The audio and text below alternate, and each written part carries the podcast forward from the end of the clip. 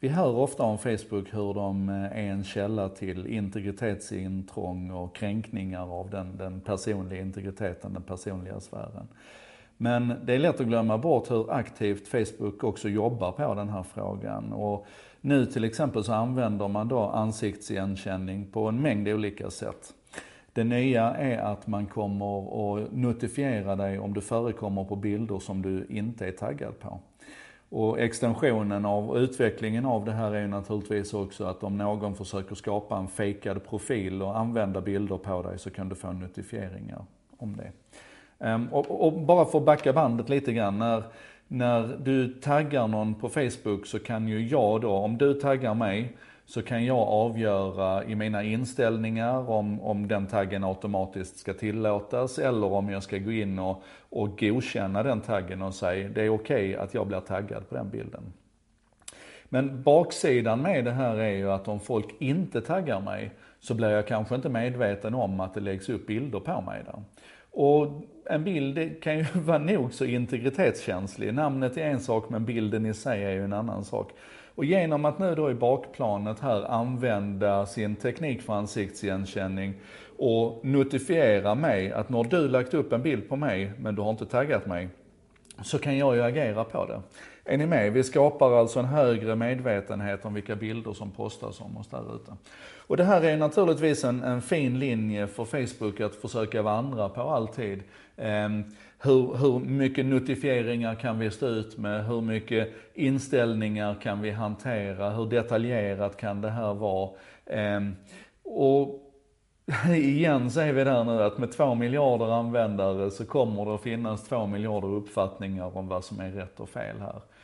Jag är positivt inställd. Jag tycker det känns som att man försöker röra sig i en riktning här som är, är positiv. Med mer kontroll till användaren och mer information och översyn.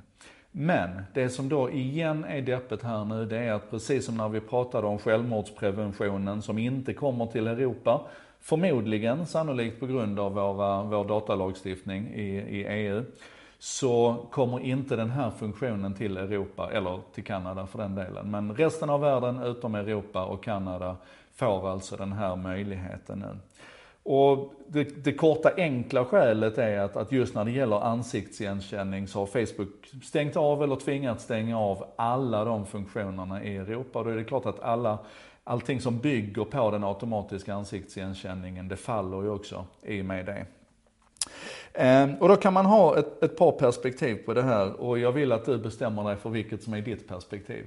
Ehm, jag tycker det är olyckligt att vi halkar efter här, att vi inte får tillgång till många av de här funktionerna.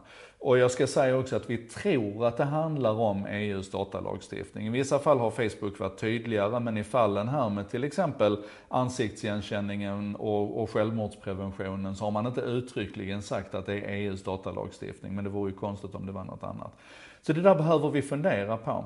Vi behöver också fundera på en, en intressant frågeställning som jag tror det var Carl Heath eller Anders Torstensson som växte, väckte i, eh, i Facebookgruppen Digital samhällskunskap.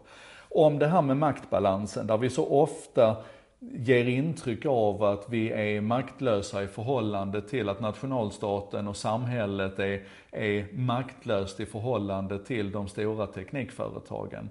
Men här har vi nu åtminstone två exempel där det är helt uppenbart att på förmodligen juridiska grunder så aktar sig Facebook noga för att rulla ut de här funktionerna i EU.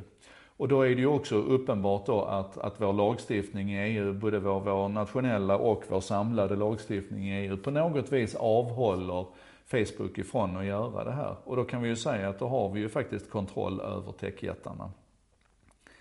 Och sen får vi då bestämma oss för om vi tycker det är bra eller dåligt. Jag är faktiskt inte övertygad om att jag tycker det är bra. Men du får fundera på din tolkning.